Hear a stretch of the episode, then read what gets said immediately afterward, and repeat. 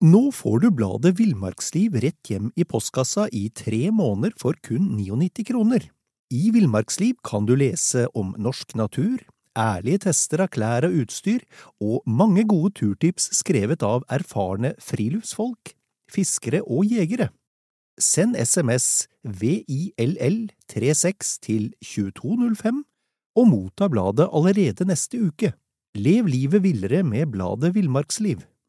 Hi, I'm Daniel, founder of Pretty Litter. Did you know cats tend to hide symptoms of sickness and pain? I learned this the hard way after losing my cat, Gingy. So I created Pretty Litter, a health monitoring litter that helps detect early signs of illness by changing colors, saving you money and potentially your cat's life. Pretty Litter is veterinarian developed, and it's the easiest way to keep tabs on your fur baby's health right at home. Go to prettylitter.com and use code ACAST for 20% off your first order and a free cat toy. Terms and conditions apply. See site for details.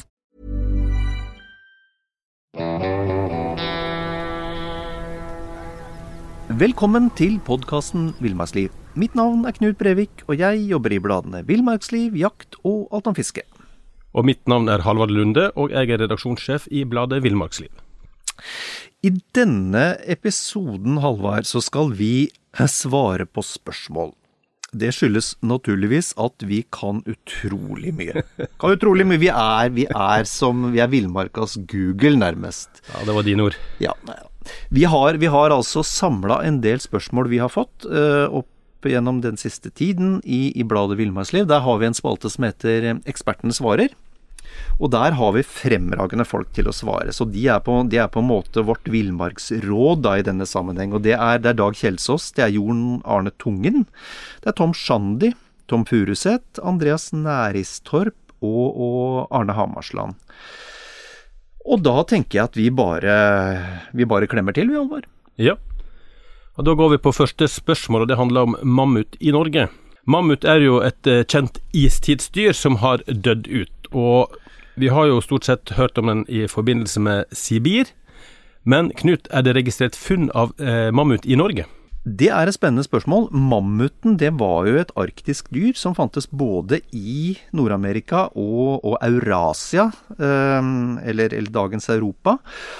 Eh, og den var eh, på størrelse med en elefant, faktisk, men skilte seg ut ved å, ved å ha en pukkel på ryggen. Og hadde, hadde opptil fem meter lange støttenner. Så det var ikke småtteri. Siden, siden, mammuten var et, et, arktisk dyr, så er det jo nærliggende å anta at den også fantes i Norge.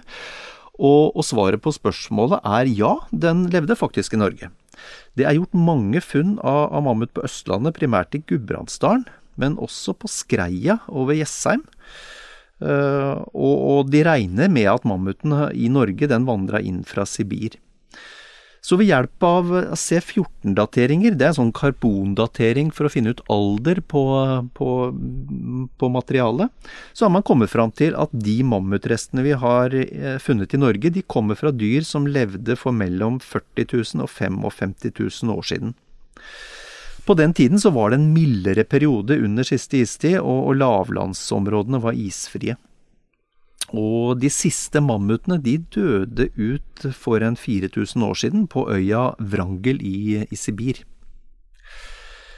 Da tar vi neste spørsmål, og det er eh, spørsmålet kvae på klær. Har dere i Villmarksliv tips til hvordan en kan fjerne kvae, harpiks, fra klær og, og annet utstyr eller andre tekstiler? Ja, det har vi. Hva er jo noe dritt, for å si det mildt, når du får det på klær. Eller uh, fingrene, for den saks skyld. Uh, men kvaen i seg sjøl trenger ikke å skade verken jakke, sovepose eller hansker eller lignende.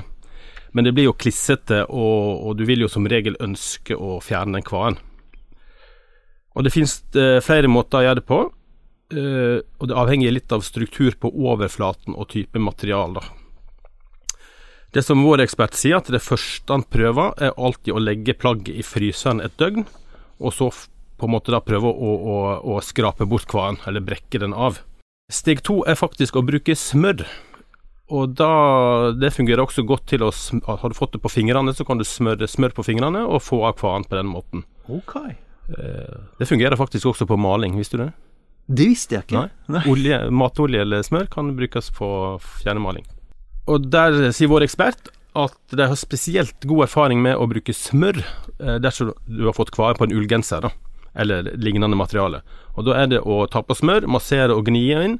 Og så må du selvfølgelig vaske plagget etterpå, så du slipper å gå rundt med smør på, på klærne. Og Da er det veldig lurt å, å ha på litt Zalo eller sånn Vanish-spray, eller sånn, sånn flekk, flekkfjernerspray, da. Ja, Hvis du har det til, tilgjengelig. Og så vaske da etter angivelsen på, på plagget. ok. Og hvis den fortsatt sitter fast, så det, finnes det en del sånn sprit- og plastfjerner og neglelakkfjerner som kan prøves, men da er det kanskje greit eh, at det kan føre til fargeforandring på plagget, så her bør du kanskje være veldig forsiktig. Mm. Og så finnes det jo en del spesialprodukt i salg som man også kan prøve.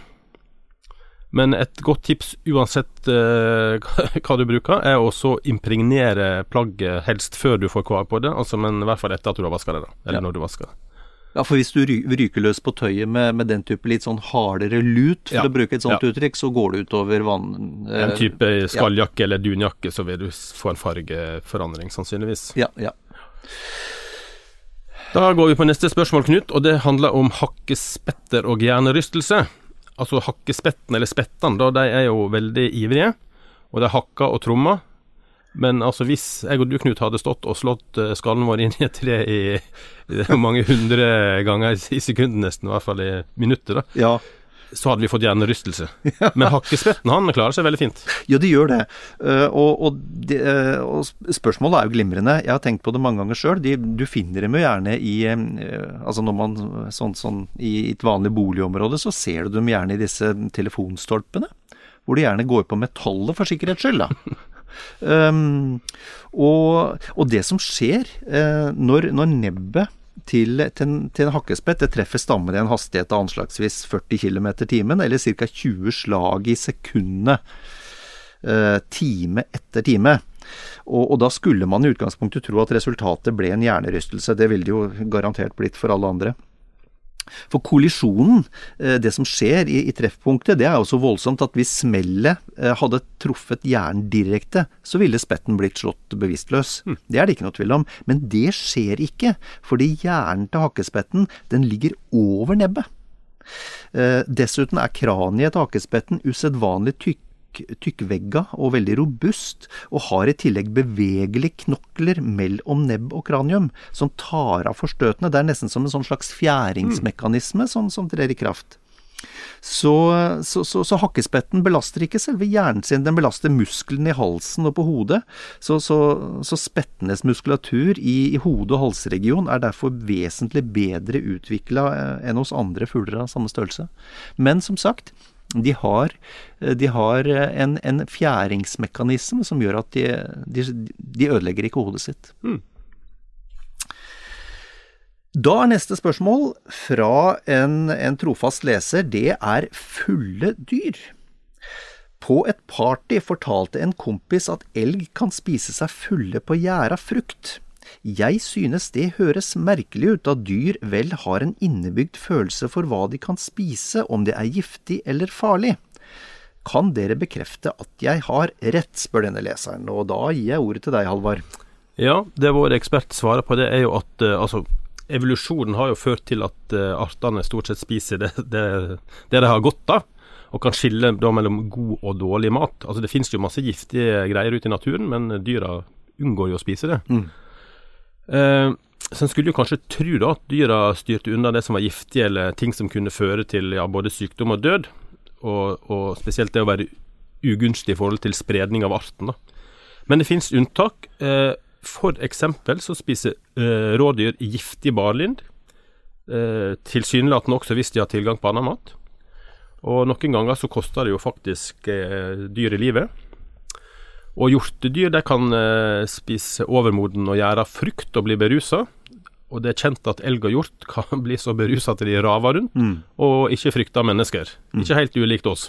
Nei, for det, det, bare, bare for å skyte inn her, nå skal jeg ikke ødelegge svaret ditt, Halvard, men bare skyte inn her. Jeg jobba jo i mange år i sånn lokal, sånn kommunal uh, viltnemnd, Ja. og, og det skjedde et par ganger at vi var ute og skulle se til elg som hadde spist seg ravende beruset på, på sånn, og det er sant, på, på sånn henhøst, senhøstes i bakhagene, sånn nedfallsfrukt som hadde ligget i gjerda. Og det, det, morsomme er at disse, disse, elgene de oppførte seg forbløffende likt en, en julebordsdeltaker, sånn i to-tre-tida på natta. De elga seg inn på folk, kanskje? Det gjorde de også. De elga seg inn på folk, og de står på litt sånn stive bein og puster tungt gjennom nesa. Og er veldig uberegnelig. Så det er ikke, ikke så helt ulikt ja. vår oppførsel sent en natt på julebord. Men en, en rekke andre dyrearter, fra alt fra insekter til elefant, kan òg faktisk spise og drikke som de blir fulle. Og i noen sammenhenger skjer det åpenbart tilfeldig, og i andre så oppsøker faktisk dyret alkoholkilden for å ruse seg. Og ikke nok med det, Knut. Eh, dyr kan også søke frø fra valmueplanten, eller spise sopp, som fører til hallusinasjoner og rus. Du verden. Og lavaskrika kan spise fluesopp og bli rusa. Eh, for lavaskrika fører det til at den oppfører seg aggressivt og ukontrollert, som eh, da gjør at den faktisk kan bli et lettere bytte for hauk eller falk, og det er jo litt spesielt. Hmm. Da går vi til neste spørsmål, og det handler om eh, lisser på gummistøvler, eller skoreimer, som jeg sier. da. Hmm. Og det er en leser som skriver at han ofte bruker gummistøvler på moltetur, fisketur og i regnvær og har eh, testa mange modeller opp gjennom åra, og har derfor sånn delte erfaringer når det kommer til stramming øverst på gummistøvelen. da. Mm. Og så skriver han at i sommer så anskaffer jeg et par med tradisjonelle lisser foran. Og eh, han opplever at disse lissene er en vits, for det er umulig å stramme sånn at støvelen lukker lukker seg øverst rundt leggen. da. Mm, mm. Eh, og det, jo, det, siste der er jo nyttig for å hindre, hindre at støvelen blir full av eh, rusk og kvist og kvast og vann eller snø. da. Mm, mm. så han lurer på om han har misforstått. Er de der lissene bare tull? ja, han har nok ikke misforstått. For det, altså, han har helt rett i at lissene på veldig mange modeller er, eh, er bare tøys. Eh, det ser fint ut, eh, og det er på en måte sånn det skal være men, men de har ingen praktisk eh, funksjon. Fordi eh, det, det, det, lar seg knapt gjøre å stramme dem. Til det så er rett og slett lissehøla for, for nær hverandre. Uh, og, og, og, det er like greit, hvis du ser bort fra det rent estetiske, så er det like greit å, å fjerne lissene. Uh, sånn at um, du, kan, du, kan, med kniv eller saks rett og slett skjære det bort. For da slipper du nemlig den ulempen som ofte er med disse lissene, på, på noen modeller, da. Uh, de har ingen praktisk funksjon, men de er eksepsjonelt effektive når det gjelder å henge seg opp i busk og kratt. Uh, så de er, de er faktisk i veien. Så, um, men, men, men, igjen, dette her, dette her, varierer jo fra modell til modell. Noen modeller har listene eh, ingen funksjon overhodet, annet enn den rent estetiske. Men, mens for en del andre modeller så, så har de funksjon. Men da er det gjerne, er det gjerne stramming med reimer eller reimlås på sida av, eh, av, av, støvelen, som, som, fungerer til hensikten, som gjør at du kan snurpe det igjen. Ja. Sånn at ikke, du ikke får massevis av snø og, og rusk nedi. Ok, da går vi til neste leserspørsmål. Uh, og det er spørsmålet er ilderen utryddet? Og denne, denne, innskriveren eh, skriver som følger Vi verken hører eller leser noe særlig om ilderen i norsk natur. Er den utryddet? Ja, godt spørsmål. Eh, og vår mann eh, svarer her at ilderen tilhører mårdyra, men, og det er riktig at vi, vi, hører veldig lite om den i norsk fauna, eh, og spørsmålet om den er utrydda er derfor veldig godt. Mens minken da, er en innført art, så har jo ilderen vært her eh, siden istida hos oss. Og siden Norge vi ligger jo der vi ligger, og vi er i utkanten av, eh, av på en måte området der ilden ilderen har, eh, har ferdes gjennom åra, Eh, men han har funnet spor av ilder i steinalderbosetning på Jæren, og i 1430 omtales den i skriftlige kilder som pelsverk. Og på 1700-1800-tallet gikk ilden tilbake i antall, og forsvant mer eller mindre som en følge av kjøligere klima, faktisk. Ja, for det er ikke noe, er ikke noe veldig glad i kulda, den. Nei, Nei. åpenbart. Eh, og første funn i nyere tid, den er fra 1916, da en ilder ble skutt eh, ved Elverum. Og ilden hadde vært holdt som pelsdyr, og i 1934 utgjorde den norske farmbestanden 2300 dyr. Men eh, drifta den var ikke lønnsomt, så mange kvitta seg med dyra ofte ved å slippe dem løs. Mm. Så flere av dyra vi treffer på i dag, det kan være resultat av dette. Og I dag så er opp, eh, bestanden oppført som sårbar på rødlista over trua arter, men eh, både forekomst og utbredelse er høyst usikkert. Uh, sannsynligvis har arten en liten bestand i det som da er tidligere Østfold, i den østlige delen av Akershus, og i de sørlige delene av Oppland, i dag da Innlandet fylke. Uh, og, men tror at den reproduserbare bestanden i Norge er under 1000 individ. Akkurat. Da går vi på neste spørsmål, Knut, og det handler om å ha det kaldt i soveposen. Og da er det en som spør her at eh, tvillingsøsteren og jeg kjøpte i høst en god sovepose med oppgitt T-lim, altså den T... Nå får du bladet Villmarksliv rett hjem i postkassa i tre måneder for kun 99 kroner. I Villmarksliv kan du lese om norsk natur, ærlige tester av klær og utstyr, og mange gode turtips skrevet av erfarne friluftsfolk fiskere og jegere. Send SMS VILL36 til 2205 og motta bladet allerede neste uke. Lev livet villere med bladet Villmarksliv. Millions of people have lost weight with personalized plans from Noom, like Evan, who can't stand salads and still lost 50 pounds. Salads generally for most people are the easy button, right? For me, that wasn't an option. I never really was a salad guy. That's just not who I am. But Noom worked for me. Get your personalized plan today at Noom.com. Real Noom user compensated to provide their story.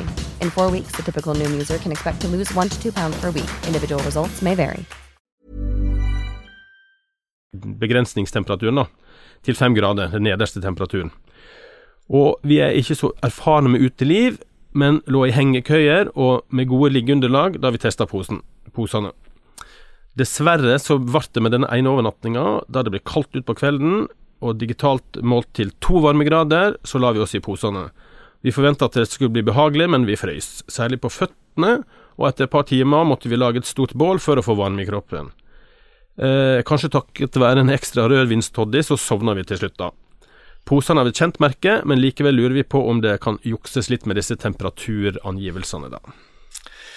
Ja, det er nok ikke veldig sannsynlig at en soveposeprodusent med et kjent merkevare jukser når de angir temperaturgrensene, tenker jeg. Etter de, etter de opplysningene som, som, som, er oppgitt her, så, så, vil, så vil jeg anta at en grunn til at den dårlige opplevelsen er at dere frøys da dere la dere, rett og slett.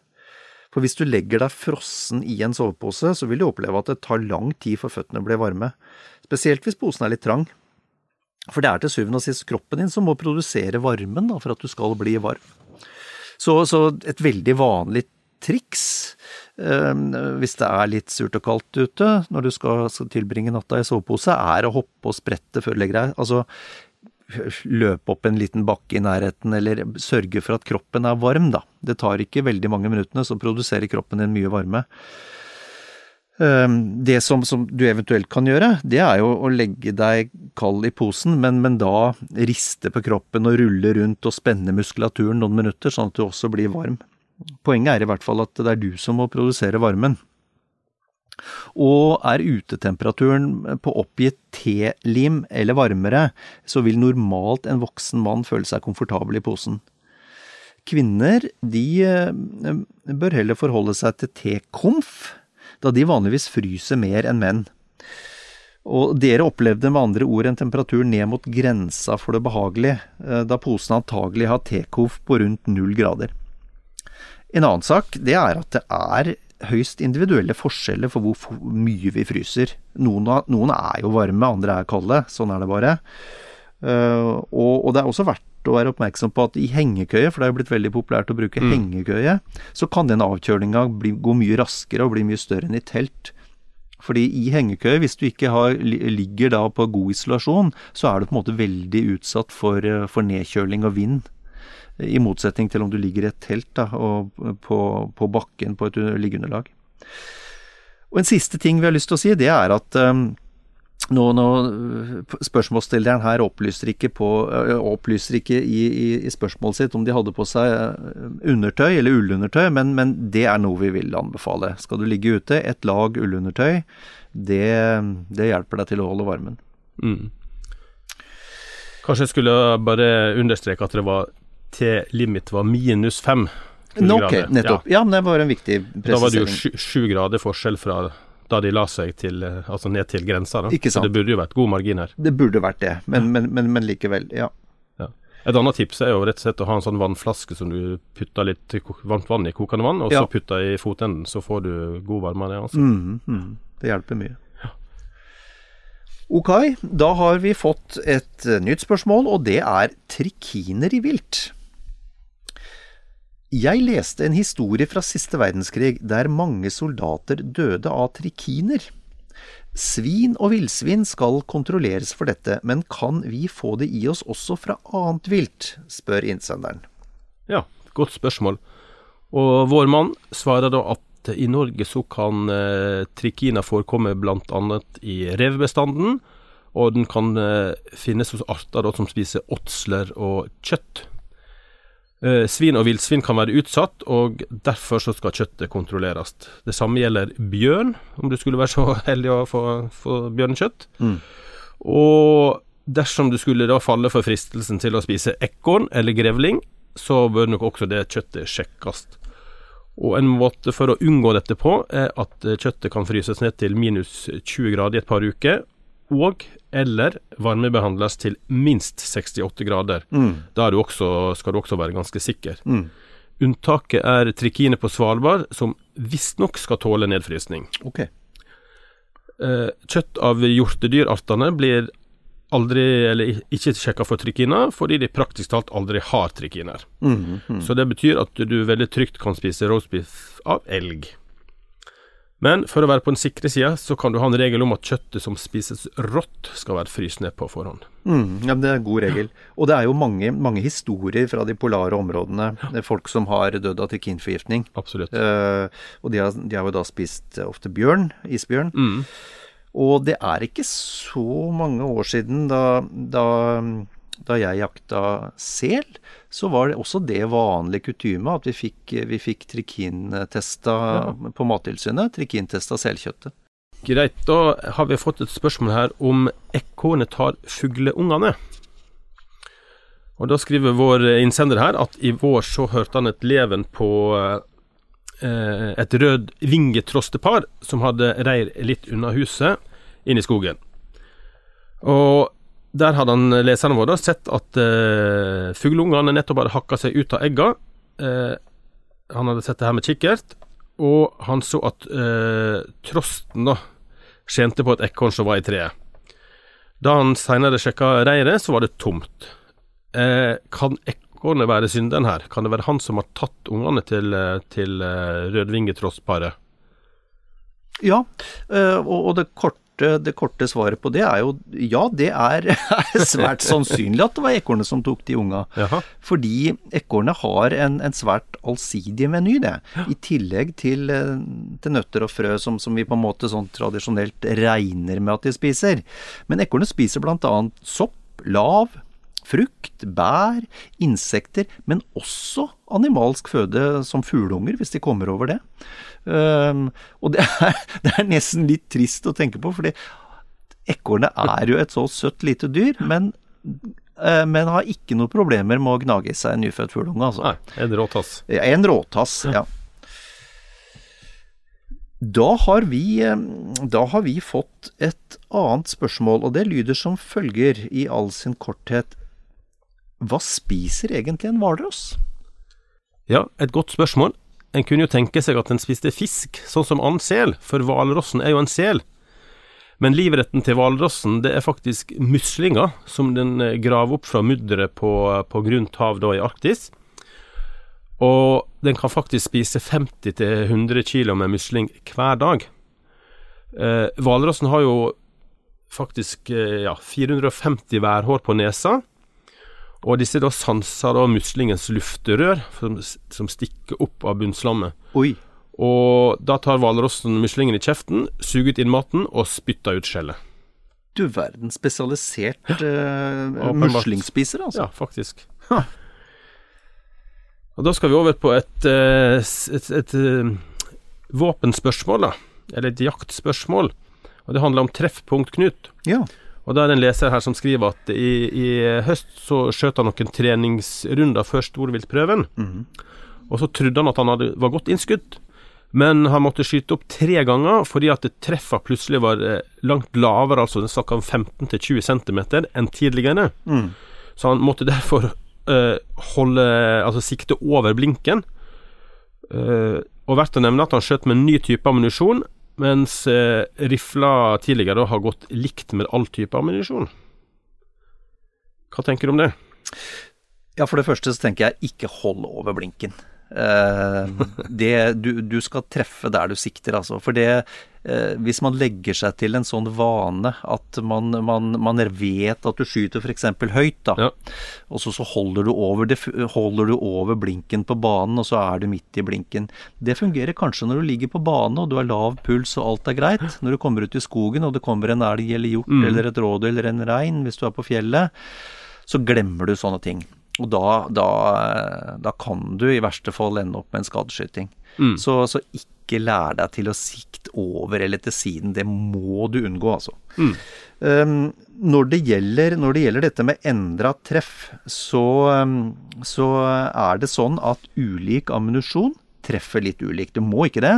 Uh, den, den kan treffe forholdsvis likt fra gang til gang, men spesielt hvis du endrer uh, kulevekt, så kan, uh, så kan treffene være, være vidt forskjellige fra gang til gang.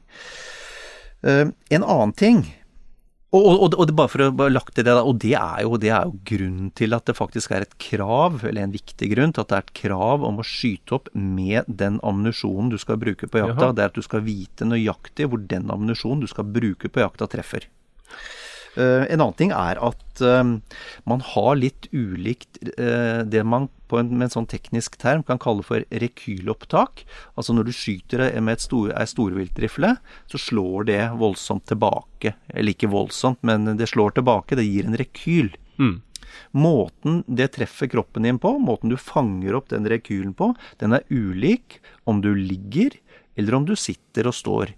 Eh, hvis du sitter, sånn som er en veldig god, eh, god skytestilling egentlig for de fleste av oss, så tar kroppen opp rekylen, og treffpunktet blir et annet enn om du ligger. Fordi når du sitter eller står, så fjærer kroppen din bakover, tar imot rekylen på den måten.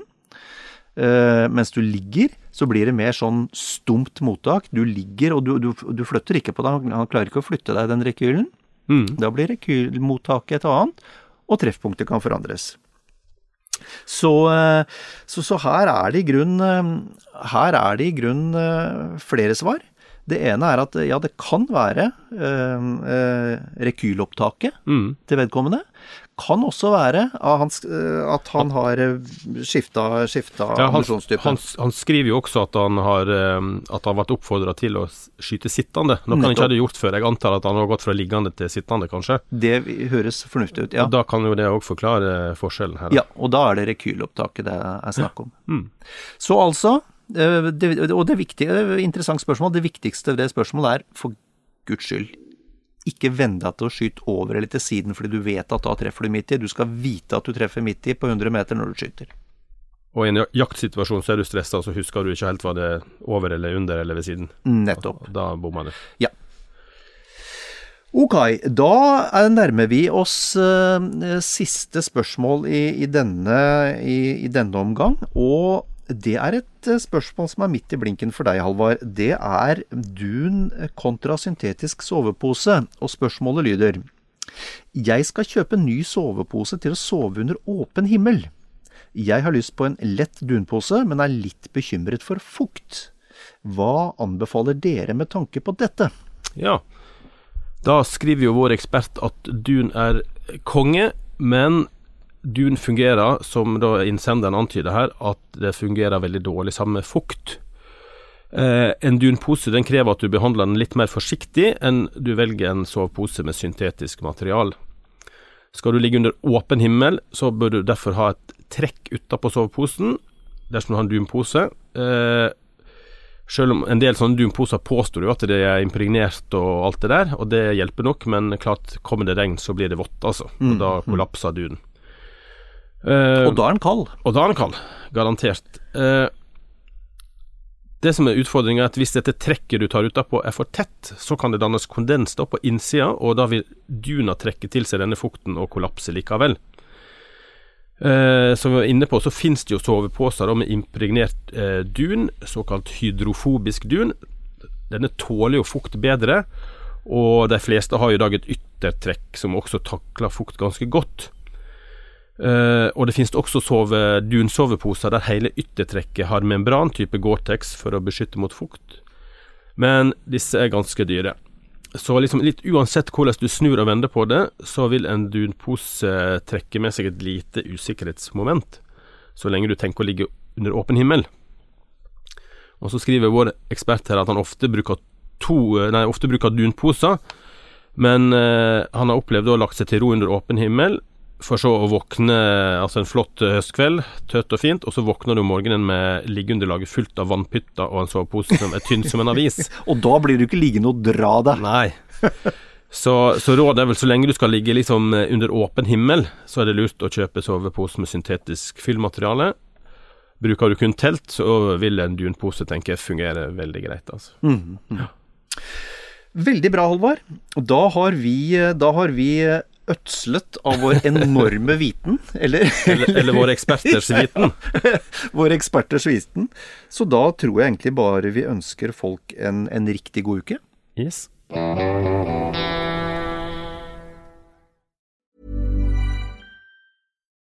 Nå får du bladet Villmarksliv rett hjem i postkassa i tre måneder for kun 99 kroner.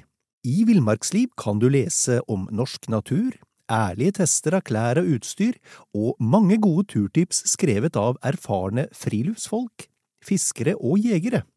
Send SMS VILL36 til 2205 og motta bladet allerede neste uke. Lev livet villere med bladet Villmarksliv.